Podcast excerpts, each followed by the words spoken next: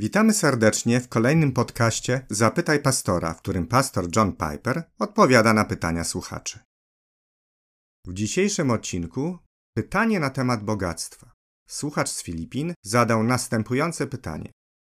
Drogi pastorze, nie wierzę w to, co głoszą niektórzy teleewangeliści, że Bóg chce, aby każdy chrześcijanin był bogaty. Jednak zastanawiam się, czy grzechem jest modlić się o to, aby Bóg dał mi dużo pieniędzy, abym mógł czerpać przyjemności z wygodnego życia. Czy może wręcz odwrotnie, jako chrześcijanie powinniśmy dążyć do cierpienia i ponoszenia szkody. Czy w chrześcijańskim życiu jest miejsce na modlitwę o większe błogosławieństwo materialne? Czy jest to wyłącznie niebezpieczne? Czy istnieje jakiś bezpieczny sposób na to, by modlić się, oby z czasem nasze bogactwo się podwoiło? W Biblii czytam, że pomimo iż Hiob początkowo utracił wszystko, Bóg ostatecznie podwoił jego bogactwo. Czy jest to wyjątkowa sytuacja, w której znalazł się wyłącznie Hiob? Czy może Bóg pozwala, by każdy chrześcijanin modlił się o coś podobnego? Zasadniczo słyszę trzy pytania. Pierwsze. Czy słusznie jest modlić się, abym miał wystarczająco dużo pieniędzy, aby cieszyć się wygodnym życiem? Drugie. Czy chrześcijanin ma przyjmować wyłącznie cierpienie i stratę? Trzecie. Czy Bóg chce, aby podwojenie zasobów Hioba było wzorem dla naszych modlitw? Pozwólcie, że spróbuję rzucić biblijne światło na każde z tych pytań w odwrotnej kolejności. Pytanie pierwsze. Czy Bóg chce, aby podwojenie zasobów Hioba było dla nas wzorem do modlitwy? Jeżeli Bóg dokonał tego dla Hioba, to czy chce także dokonać tego dla nas? To jest pytanie, na które nie można odpowiedzieć każdemu w ten sam sposób. Na przykład, jestem absolutnie pewien, że grzechem byłoby teraz, abym modlił się o podwojenie moich zasobów, ponieważ jako Amerykanin prowadzący wygodny styl życia klasy średniej, jestem według światowych standardów o wiele bardziej zamożny niż miliardy biednych ludzi na całym świecie. Modlitewny ciężar, jaki na mnie spoczywa, nie powinien dotyczyć tego, bym gromadził i odkładał coraz więcej skarbów na ziemi, ale tego, bym rozdając i rozdając coraz więcej i inwestując coraz więcej w innych ludzi, gromadził skarby w niebie. I bym wykorzystywał to, co mam, dla jak największego dobra innych, i bym strzegł się, bym strzegł się, bo bogatym trudno jest dostać się do nieba, tak powiedział Jezus.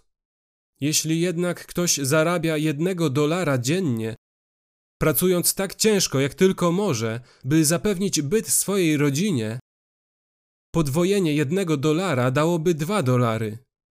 A ta osoba nadal byłaby biedna, tylko mniej biedna. Kto mógłby ją winić za to, że pragnie ona i modli się o to, aby móc lepiej zapewnić byt swojej rodzinie, podwajając swoje zasoby z jednego dolara dziennie do dwóch dolarów dziennie? Widzicie więc, że na to pytanie nie można każdemu odpowiedzieć w taki sam sposób. Ale oto kluczowa zasada, o której należy pamiętać, gdy używamy tekstów Starego Testamentu aby usprawiedliwić dążenie do bogactwa. Hiob już był bogaty. Bóg podwoił bogactwo bogatego człowieka. Dlaczego więc nie zastosować tego do siebie, Piper? Oto powód. Bóg chciał, aby religia Starego Testamentu była w dużej mierze religią w stylu przyjdź i zobacz, kładącą nacisk na dobrobyt jako świadectwo dla świata Bożej wierności wobec Izraela. Królowa Saby przybyła z krańców ziemi i bogactwo oraz mądrość Salomona zaparły jej dech w piersiach. To jest religia przyjdź i zobacz. Ale Bóg chce, aby religia Nowego Testamentu była religią typu idź i powiedz. Nie przyjdź i zobacz, ale idź i powiedz, podkreślającą prostotę poświęcenie i hojność w wypełnianiu misji dotarcia do wszystkich narodów świata i pokazania, że nasz skarb nie jest w tym świecie, ale w Chrystusie w niebie. On jest naszym niezgłębionym bogactwem. Efezjan 3:8. Kiedy czytamy Nowy Testament, to widzimy, że nieustannie, konsekwentnie popycha nas w kierunku prostoty i oszczędności w imię rozwoju królestwa, z dala od luksusu, dostatku i przepychu. Mam przed sobą w tej chwili 24 fragmenty Pisma Świętego, które popychają nas w tym kierunku. Nie jestem w stanie przeczytać ich wszystkich. Pozwólcie, że wymienię tylko kilka z nich. Łukasza 6. Błogosławieni jesteście wy, ubodzy, bo wasze jest Królestwo Boże. Lecz biada wam, bogaczom, bo już otrzymaliście waszą pociechę. Łukasza 8:14. Ludzie odchodzą i przez troski, bogactwa i rozkosze życia zostają zagłuszeni. Mateusza 6. Nie gromadźcie sobie skarbów na ziemi. Łukasza 12. Sprzedawajcie, co posiadacie i dawajcie jałmużnę. Przygotujcie sobie sakiewki w niebie. Łukasza 14. Tak i każdy z was, kto nie wyrzeknie się wszystkiego, co posiada, nie może być moim uczniem. Łukasza 18. Jakże trudno tym, którzy mają pieniądze, wejść do Królestwa Bożego. 2 Koryntian 6. My, apostołowie, jesteśmy jakby ubodzy, jednak wielu ubogacający, jakby nic nie mający, jednak wszystko posiadający. I tak dalej, i tak dalej. Fragmenty takie jak te stale naciskają na amerykańskich światowych chrześcijan, aby podążali w kierunku potrzeby, a nie wygody. Żyj w prosty sposób, żyj jak w czasie wojny. Więc moją odpowiedzią jest nie. Nie, Hiob nie powinien być wykorzystywany jako uzasadnienie dla nas wszystkich, aby prosić o podwojenie naszych zasobów.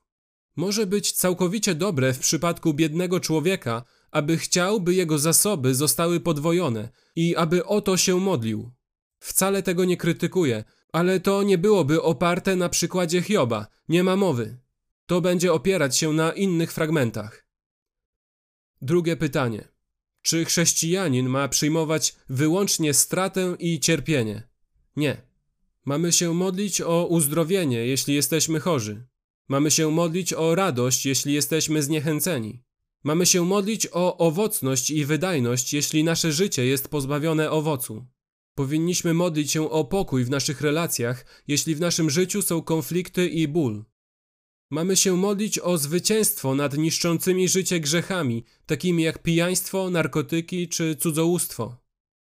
Wszystko to są modlitwy, wszystko to są pragnienia, abyśmy przezwyciężali pewnego rodzaju straty i cierpienia.